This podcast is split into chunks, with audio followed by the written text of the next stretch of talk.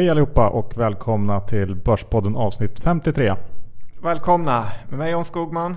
Och mig Johan Isaksson i samarbete med Avanza såklart. Precis. Eh, Johan, det är ju den här veckan vi skulle presentera en ny sponsor för podden. Berätta hur har det gått? Nej, det har inte gått så bra. Eh, så? Vi kommer att lägga ner. Det är trist, eh, men eh, den tar slut om 30 sekunder. Nej, så är det faktiskt inte Johan. Det är så här att eh, vi har från och med nästa vecka fått en av eh, Sveriges absoluta top tier eh, investmentbanker och sponsra den här podden. Ja. Via Asientrippen och eh, innan. Så att det kommer, de kommer följa med oss under en lång period. Ja, kul. Ska vi bjuda på ett avsnitt och säga vad de heter? Nej. Nej, vi gör ju allt för pengar så inga bjudningar. Nej, ni får se nästa avsnitt. Och John, eh, du har varit i Malmö förresten? Ja, ni kanske såg på Twitter att jag var där under de makalösa regnskurarna. Och eh, det där kommer bli dyrt för försäkringsbolagen. Ja, men det låter ju lite tufft för försäkringsbolagen. Vad tycker du om försäkringsbolag generellt då? Ja, jag gillar inte försäkringsbolag egentligen. För att det finns ju egentligen bara en anledning, en del ett försäkringsbolag kan sticka ut och det är på priset.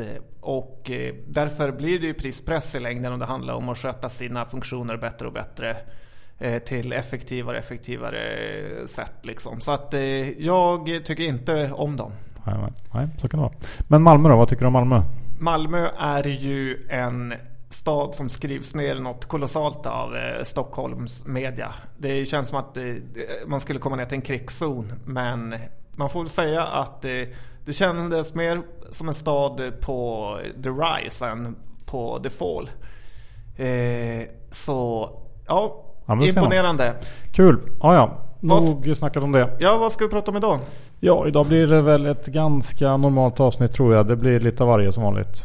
Ja. Stort och smått. Och eh, hemma i Sverige och ute i världen. Ja, sen ska vi ge er gratispengar kan man säga. Hur ni lätt kommer tjäna en liten hacka. Ungefär mellan 5 till 10 000. Bra, då kör vi. Johan Isaksson index på 1400. Det har varit ceasefire i Ukraina och eh, börsen verkar gilla det. Ja precis, det kom här strax innan vi gick in för inspelning. Och ja, vad säger man? Eh, jag hade väl fel helt enkelt i min eh, negativitet. I alla fall på kort sikt. Och nu har vi ju här senare i veckan på torsdag ECB-möte. Där förväntningarna också är på topp tycker jag mig känna. Att Draghi ska komma med något, eh, ja riktigt, något extra. Ja, det är ju, jag vet inte vad mer han kan göra än vad han har gjort. Vad tror du? Nej men det är väl förhoppningar om att han ska bli lite mer tydlig kring eh, eventuella eh, stödköp och QE-program. Vi får se. Eh, jag tror som vanligt att förväntningarna är lite för höga. Sen så är jag väl också lite skeptisk nu till den här ceasefiren i Ryssland, Ukraina. Jag är kanske inte helt övertygad om att det är helt färdigt där. Nej, det här är ett av Putins vanliga trick. Att vara snäll, piska morot, piska morot. Exakt. Eh, så nu kör han lite morot. Får vi se vad, när piskan kommer fram. Det är ju intressant också att det kan bli ceasefire när det inte officiellt har varit krig enligt i alla fall Putin. Men eh, Ja. det är ett väldigt konstigt krig med tanke på att man eh, fortsätter sälja gas till varann och eh, ja, det är många konstigheter det här. Verkligen. Men det är inget vi ska kanske grotta in oss i. Nej, det ska vi absolut inte göra. Utan vi ska gå vidare och titta på. Jag har ju gjort en liten channelcheck som jag gör ibland i verkstadssektorn. Lyssnat med mina kontakter och det jag hör är väl att eh, orderingången så här långt i år, eller så här långt efter sommaren nu, sista månaden, har varit riktigt dålig. Om det beror på en lite förlängd sommar eller om det är konjunkturellt vet jag inte. Men än så länge är det ingen riktig fart. Eller att det är ett dåligt företag du får rapporter ifrån. Kan vara så också. Vi får se. Men men. På tal om fordon så är det ju lite spännande med hur oljan går. Ja. Den har ju, eh, går ju ner rätt eh, ordentligt. Igår var den ner 3% och eh, det här har vi ju en liten potentiell möjlighet för en konjunkturförbättrare. Att eh, i takt med att eh, elpriser, oljepriser, sånt sjunker så får jordens konsumenter mer pengar och det i sin tur kan elda på en oväntad högkonjunktur. Absolut. Jag tror mycket mer på en sån twist än att ett nytt stimulanspaket skulle hjälpa oss upp det här. Ja, dollarn har gått över 7 kronor och uh, i USA händer det grejer med. Det är ju så kallade midterms där man ska välja kongressen och även 33 platser i senaten. Mm. Det här är lite spännande för att Obama är rätt populär Obama är rätt impopulär i USA och eh, det lutar mot att det faktiskt kan bli två kamrare som styrs av eh, Republikanerna. Mm. Och eh, det innebär ju mindre liksom government eh, spending och åtstramningar istället för att man öser på med pengar. Så där kan vi få se ett liten, liten uppgång i räntorna möjligtvis när vi närmar oss eh, det där. Värt att hålla koll på i alla fall. Vad har du sett mer i staterna då? Ja, jag har väl gjort en liten spaning och det som verkar vara det hetaste just nu när det gäller startups eh, i Silicon Valley det är ju olika typer av eh, deliverytjänster när man gör direkt, direktleveranser av olika typer av varor. Det finns eh, massor av sådana här som poppar upp. Jag har sett Spoonrocket och Caviar till exempel som levererar mat från restauranger. Eh, vi har Washio som hämtar in tvätt Ice Cream Life som kommer med glass och is som levererar medicinsk marijuana. Det finns hela paletten. Och eh, det här, man får ju lite flashbacks till eh, tiden kring millennieskiftet när man läser om det här. Eh, när det också gjordes stora satsningar på den här typen av eh, direktleveranser eh, med katastrofala följder. Nu har man gjort det här med en liten annan approach man köper inte in massa lastbilar och man har inte stora lagerlokaler utan man sköter det här med mjukvara och man försöker helt enkelt para ihop köpare med en eh, kille eller tjej som är sugen på att eh, leverera varan. Så att det är mer, mer som en mellanhand än vad man haft tidigare. Vilket väl verkar vara en smart idé. Trots den här nya approachen så är det ju fortfarande en utmaning att få lönsamhet i det här. Eh, vi får se där. Jag är tveksam till att det kommer att funka kanske. Men eh, i alla fall på det här sättet. Och självklart har ju också Kinnevik och Rocket Internet gett sig in i den här nischen med ett nystartad eh, expressleveransbolag som levererar mat i Londons finansdistrikt. Men ehm, det jag börjar tänka på lite när man pratar om det här det är ju att man borde använda drönare till det här. Och då eh, läste jag om Google som sista två åren har kört ett hemligt projekt. Eh, ett drönarprogram som heter Project Wing.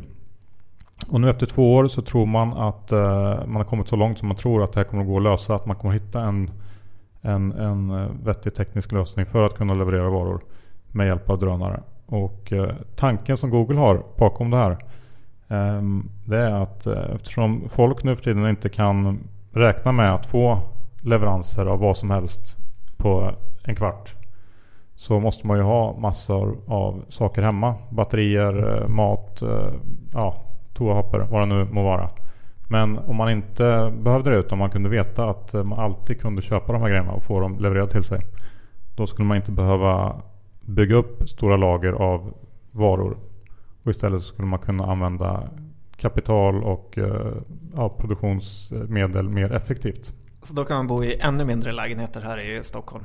Ja, men det är väl lite som hela den här eh, det som internet har fört med sig sista åren. Att eh, det blir mer asset light. Att man inte behöver ha ett eh, stort bibliotek med skivor hemma utan man har Spotify. Man behöver inte ha massa filmer på band utan man har Netflix eller HBO.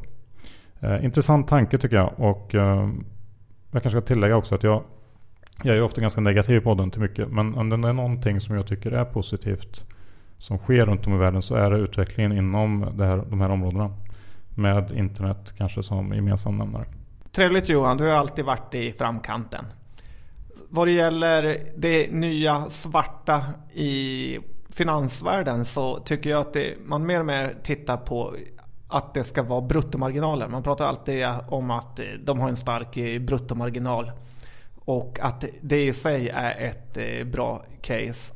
Det har alltid varit, ibland har det varit eh, skuldsättningen man tittar på och eh, rörelsemarginalen. Men just nu verkar det som, i de flesta analyser man läser, är det bruttomarginalen man ska fokusera på. Mm. Och vad är det du som är gammal analytiker? Ja, det är ju det man har kvar efter att man har betalat för sin vara, man säger, och sålt den. KSV som det brukar heta. Mm. Mathandlarna Johan, där har vi pratat om dem lite tidigare här. Och eh, de går ju vansinnigt eh, dåligt. Tesco vinstvarna eh, häromdagen. Vi ja, har... precis. De internationella går dåligt ja. Precis. Tesco vinstvarna som sagt. Carrefour i France går på pumpen gång på gång. Sainsbury's går dåligt. Engelska varuhuset. Och sen har vi Target, det amerikanska jättebolaget och Whole Foods. Mm. Som inte heller går så bra. Nej, precis. Men här i Sverige tuffar Axfood och eh, ICA på som det inte fanns någon morgondag. Nej, precis. Det där är ju lite intressant. Ja, jag vet inte vad man ska tolka ut eh, av det men det kan komma sämre tider än de bästa tiderna. Och slutligen kanske vi ska ta en titt på enskildas aktiehandel i Opus. Ni vet eh, bilprovningsföretaget. Ja, hur såg den orderboken ut? Ja, det är ju efter rapporten här så har aktien eh, störtdykt egentligen.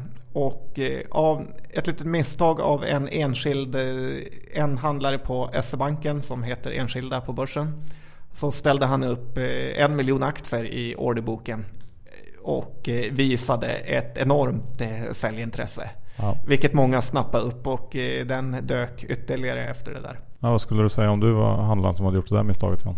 Oops.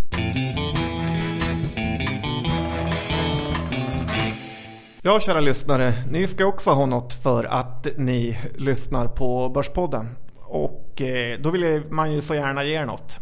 Ja, vad har du grävt upp nu John? Jo, men det är ju så att Akelius har ju preferensaktieemission. Ja. Och eh, den handlades ungefär i 350 kronor innan det här beskedet kom. Och nu ska de trycka nya på 320. Ganska mycket också. Ja, de eh, låtsas om som att det är en, en och en halv miljard men vi vet ju alla att det kommer bli tre miljarder. Så nu ska ni få några olika tillvägagångssätt för att tjäna mellan 5 till 10 000 kronor. I prospektet står det att kunder till Akelius har företrädesrätt till den här emissionen. Och därför så ska man gå in på Akelius hemsida, stoppa in lite pengar och använda den anmälningssedeln som eh, det står att kunder får ha. Det kommer ge dig företräde till 400 aktier på 320 kronor. Den här aktien kommer nog efter initiala trycket och handlas i alla fall över 330-340 kronor. Och köper du då 400 så tjänar du mellan ja, 5 till 10 000 kan man eh, säga. Ja, det bra. Och det är inte jättelänge kvar heller innan du får 5 kronors utdelningen. Så har du mindre än 400 aktier så sälj dem och ansök om nya på det här sättet så tjänar du bara där i mellanskillnaden. Mm. Dessutom ange koden 350 när ni öppnar konto så får ni en biobiljett. Grädde på moset. Ja men då och så kan du göra det här på frugan också så kan ni gå på bio och tjäna pengar. Tack, det var dagens eh, gratistips. Ska vi prata lite om Cambion? Ja, den aktien har ju haft en helt eh, vansinnesfärd på börsen. Vi pratade om den tidigare. Man fick den när man köpte Unibet. Vad gör Kambi? Precis. Kambi är ju en leverantör av mjukvara för att eh, spela sportspel som alla stora speloperatörer köper in sig och har en affärsmodell som liknar Net Entertainment där man då får del av överskottet som eh, genereras i det här mjukvarusystemet. Danske Bank kom med en analys på 90 kronor när aktien stod i en köpanalys med riktkurs 90 kronor när aktien stod i 45. Ja. Nu står den i 60. Förklara uppgången Johan. Det kan jag inte riktigt mer än att eh, den där analysen kom. Vi pratade om det här bolaget inför eh, noteringen eller inför utdelningen från Unibet och eh, sa att det här var ju ett bolag man verkligen, verkligen vill äga. Och att det är någonting som man kanske skulle försöka köpa om den handlades eh, under 30 kronor tror jag vi sa. Ehm, det gjorde den ju inte när den kom in och då tyckte vi att man skulle vänta. Det var ju inte så bra råd med facit i hand. Det är väl du som har sagt eh, Buy quality, you only cry once. Ja. Men jag hade inte eh, i min vildaste fantasi kunnat tänka mig att den skulle stå i 60. Det är ju ofattbart dyrt tycker jag. Och det kan vara hur fint bolag som helst men det, jag kan inte tycka att det är värt att köpa här, tyvärr. Men då har jag pratats lite om uppköp för det här bolaget. Ja precis, jag läste i eh, veckans nummer av Affärsvärlden att det ryktades om bud. Jag är ganska tveksam till det. Eh, dels för att eh, Unibet som ju är mamma till Kambi är väldigt fokuserade på sportspel och är nog den viktigaste kunden till Kambi. Och att de då skulle låta den här positionen äventyras genom att en konkurrent köper upp dem, det ser jag som osannolikt. Dessutom så vet jag att äh, Anders Ström pratar om att de har lagt in ett litet poison pill som man säger. Vem är Anders Ström? Det är alltså ordföranden och grundaren, grundaren i Unibet och Kambi. Och uh, det här poison pillet då, det är en, en uh, typ av konvertibel Eh, Eh, som Unibet har gett ut till Kambi som ska skydda dem för, eh, mot eventuella uppköp. Så att eh, väldigt tveksam till att det skulle hända.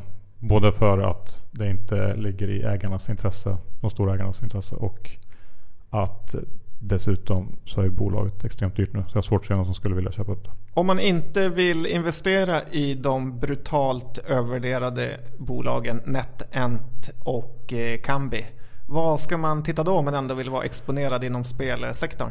Nej, men jag tycker man kan ändå vända blickarna eh, utåt ifrån Sverige. Och eh, spelbranschen i Sverige har de sista åren eh, fått ett uppsving och har börjat värderas ganska högt.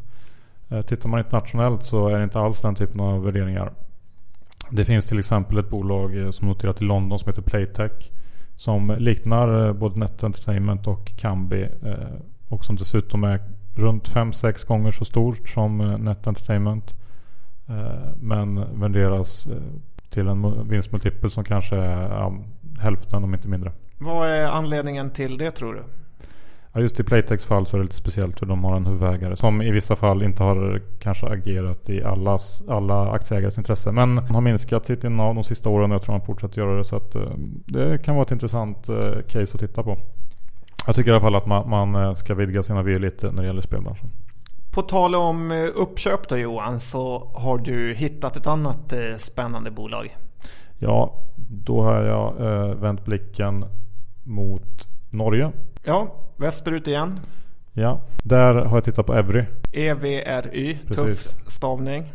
Som är ett IT-bolag och som förra veckan gick ut med att de ska göra en strategisk översyn och att bolaget är up for sale. Alltså de vill försöka sälja bolaget om det går.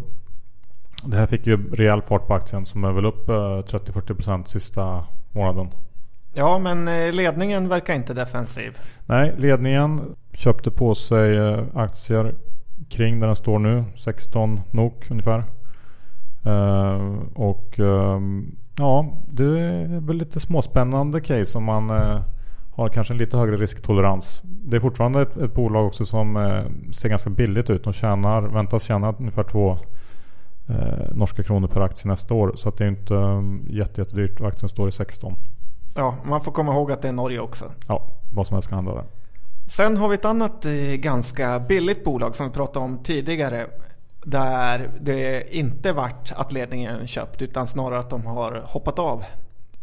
Ja, det är Catella jag tänker på. Kan du säga något om det? Just det, det kom lite uh, nyheter där efter att vi pratade om dem uh, senast. Och, uh, ja, det är ett gäng från fastighetsrådgivningsdelen som lämnar. och det har väl fått ganska stor uppmärksamhet tycker jag verkar som på marknaden. Och många är ganska oroliga för det där. det är väl klart att det inte är bra men samtidigt så ska man komma ihåg att Catellas rådgivningsdel har verksamhet i ganska många länder och Sverige står för mindre än hälften av, av rådgivningsdelens intäkter. Eh, och eh, dessutom så är faktiskt eh, fondverksamheten större också. Så att det, det, är inte kanske så allvarligt som det verkar vid en första anblick. Dessutom så kommer man ju ersätta de här människorna. Och, ja, jag, jag tror inte att man ska bli alltför rädd för det.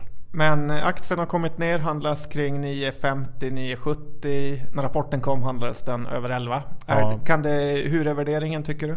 Ja, men nu är den ju, efter den här fina rapporten så är den ju, den är ju låg igen. Så att det är, är helt klart ett intressant läge.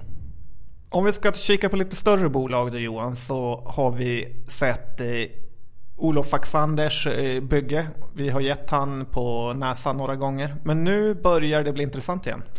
Ja, jag tycker att eh, om man tittar lite närmare på det här så börjar det se ganska intressant ut. Förra veckan, eller tidigare i veckan, så gick de ut med att de säljer av eh, en eh, distributionsverksamhet eh, som inte riktigt passar in i, i övriga verksamheten. Och eh, det, var en del, det här är en del inom SMT. Eh, som man också har pratat om att man ska kanske göra sig av med. Eh, jag tycker att det börjar kännas som att man håller på att eh, transformera det här bolaget och fokusera på de områdena som har störst potential. Eh, dessutom så köper ledningen aktier. Och eh, ja, jag tycker att det här lite sådär smyger eh, under radarn. Samtidigt så är alla väldigt negativa till Sandvik. Kan konjunkturen komma igång lite bättre så skulle det här kunna vara ganska intressant tycker jag. Bra sagt. Sen har vi haft en helt fantastisk sommar. Jag läste i tidningen att det innebär då att eh, folk inte vill boka Thailandssemester på vintern utan snarare komma iväg och åka skidor. Eh, och det borde passa ett av våra bolag på börsen. Tänker på Skistar kanske? Ja precis och där har vi ju på tal om insiderköp också haft en hel del insiderköp. Eh, aktien handlas ju nära bottennivåer kring 80 kronor, 82. Mm. Så ja, kanske kan vara ett intressant eh, case att titta på nu när vi närmar oss eh, skidåkningssäsongen. Dessutom får man ju den rabatt om man äger 200 aktier. Men den klyschan orkar man inte knappt eh, nämna. Sen John så har ju du tänkt lite kring Byggmax. Ja, jag har ju sett här att K-Rauta går käpprätt, Hornbach går käpprätt. Men Byggmax levererar. Och det är intressant med det här med företagskultur och hur ett företag är uppbyggt. Att eh, företag som verkar inom exakt eh, samma bransch kan ha sådana stora skillnader på sista raden. Mm. För att det, det är så små skillnader som avgör mellan framgång och motgång.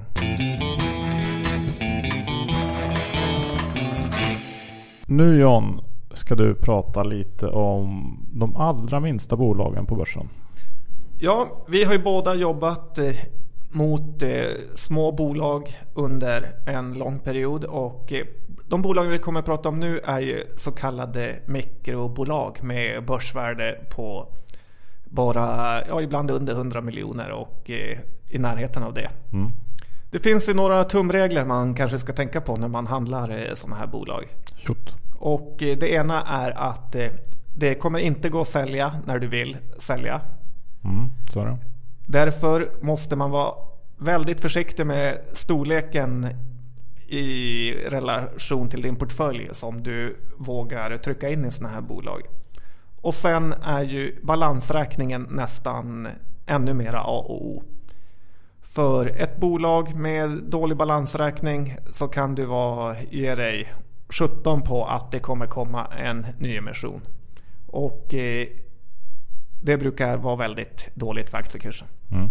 Sen är det alltid bra att eh, ledningen är mer med i pilotskolan snarare än att de inte är det. Det vill säga att de gärna får äga lite aktier själva. Mm, det positiva med sådana här mindre bolag är att det är lättare att förstå verksamheten. Det vill säga att du kan eh, som vi tidigare pratade om Sandvik så är det nästan omöjligt att förstå deras fyra fem olika divisioner med verksamhet i 87 länder och valutor hit och hej och hå. Men i de här bolagen så är det oftast eh, betydligt lättare att förstå vad de gör. Eh, så att det kan vara en bra inledning till att försöka lära sig om bolag. Och sen brukar ledningen vara lite mer eh, lätt att få, kommunicera med. Att de gärna svarar på frågor. Ja men bra liten eh, genomgång där John. Men har du några konkreta bolag att prata om? Ja, jag tänkte börja med att avslöja bolaget som var mitt hemliga innehav nu när rapporten har kommit och att eh, jag eh, bastade ordentligt. Det är ju kul när det går bra men det är ju också lite kul när det går dåligt. Nästa, för, ro, nästa roligare faktiskt. Ja, för man, som jag sa när jag sa att jag inte ville nämna det här var för att jag kan få storhetsvansinne i den här typen av marknad och eh, när eh, det är lätt att det blir fel. Och eh, nu blev det fel. Så jag hade investerat i Firefly som gör brandvarnare.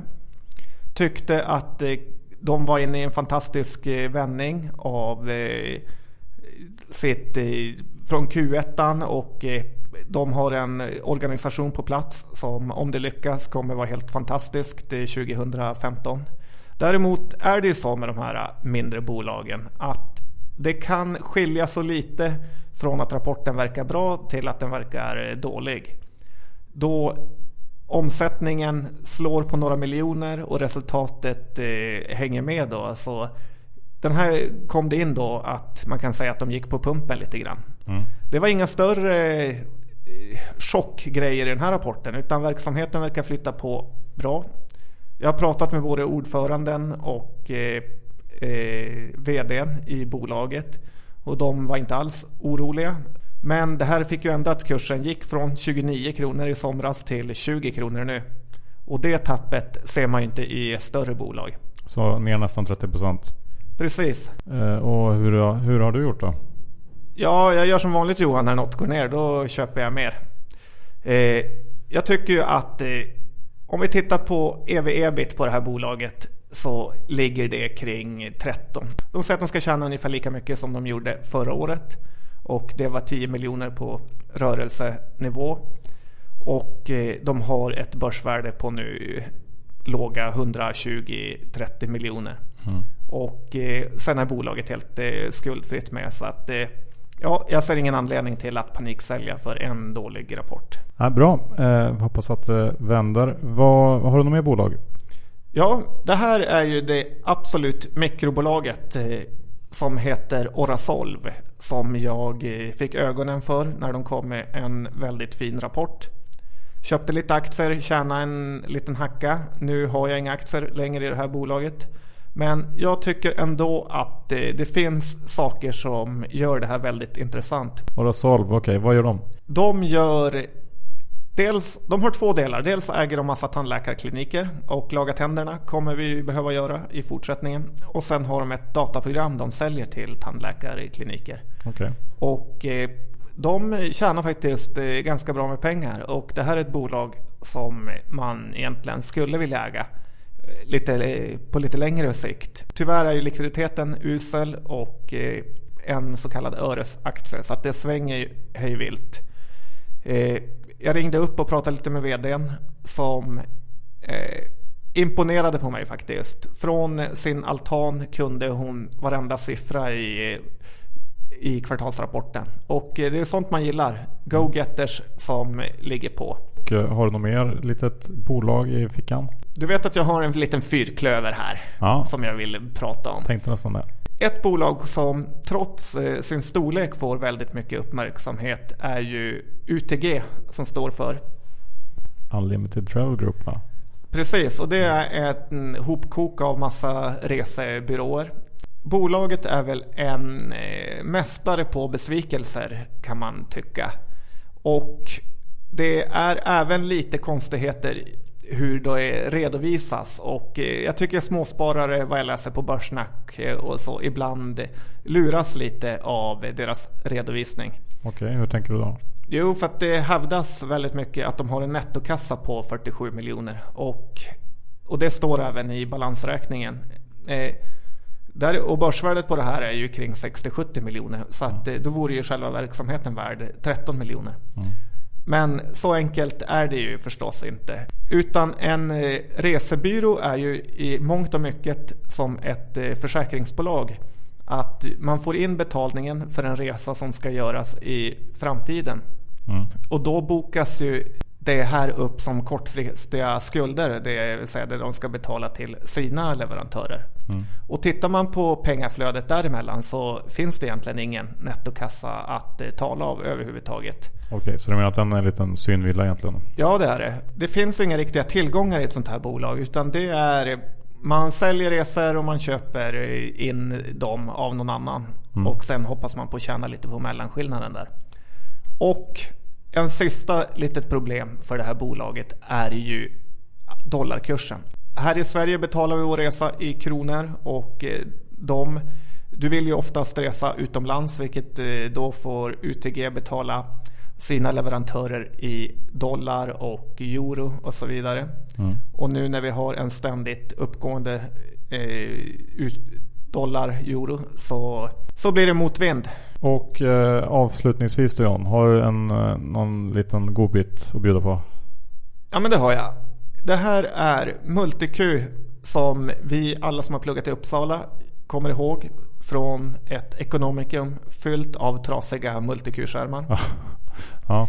Så bara där har man ju lite motvind. Ja, och det här bolaget har ju haft motvind i all evighet. Nu är det så att en ny VD har kommit in. Och jag antar att du har pratat med honom? Johan Hemläxan är A och O, så självklart har jag pratat med honom. Ja. Han har vänt eh, bolaget nu med en eh, kraftig nyemission som gjordes i slutet av förra året har jag för mig. Och eh, han ser positivt på framtiden och bolaget har ju faktiskt börjat tjäna pengar. Så hittills i år har de tjänat 9 öre och aktiekursen står i 75 öre. Och det har bara gått ett halvår så slarvar de inte bort eh, den här vinsten med några förlustkvartal framöver så tycker jag att det här ser väldigt eh, positivt ut. Ja men det låter intressant. Vad, så, vad är det som gör att det går så bra då? Ja, dels har de fått några stora avtal här med Svenska Spel och eh, storbankerna och matvaruaffärer. Du vet när man ser eh, vad som gör reklam för eh, inne i butiken. Ja, just det. Mm. Men dessutom framtiden pekar ju mer och mer emot det här shop-in-shop konceptet. Att du mer tittar i butiken vad du vill ha och kanske beställer från en multiq-skärm och sen skickas det hem till din port så att du slipper gå omkring på stan med eh, massa grejer. Okay. Mm. Och eh, här ser ju de en framtida tillväxt. Så att eh, ja, det är spännande. Äger du aktier? Ja, jag har köpt en liten post här efter rapporten. Så att det ska bli kul att följa.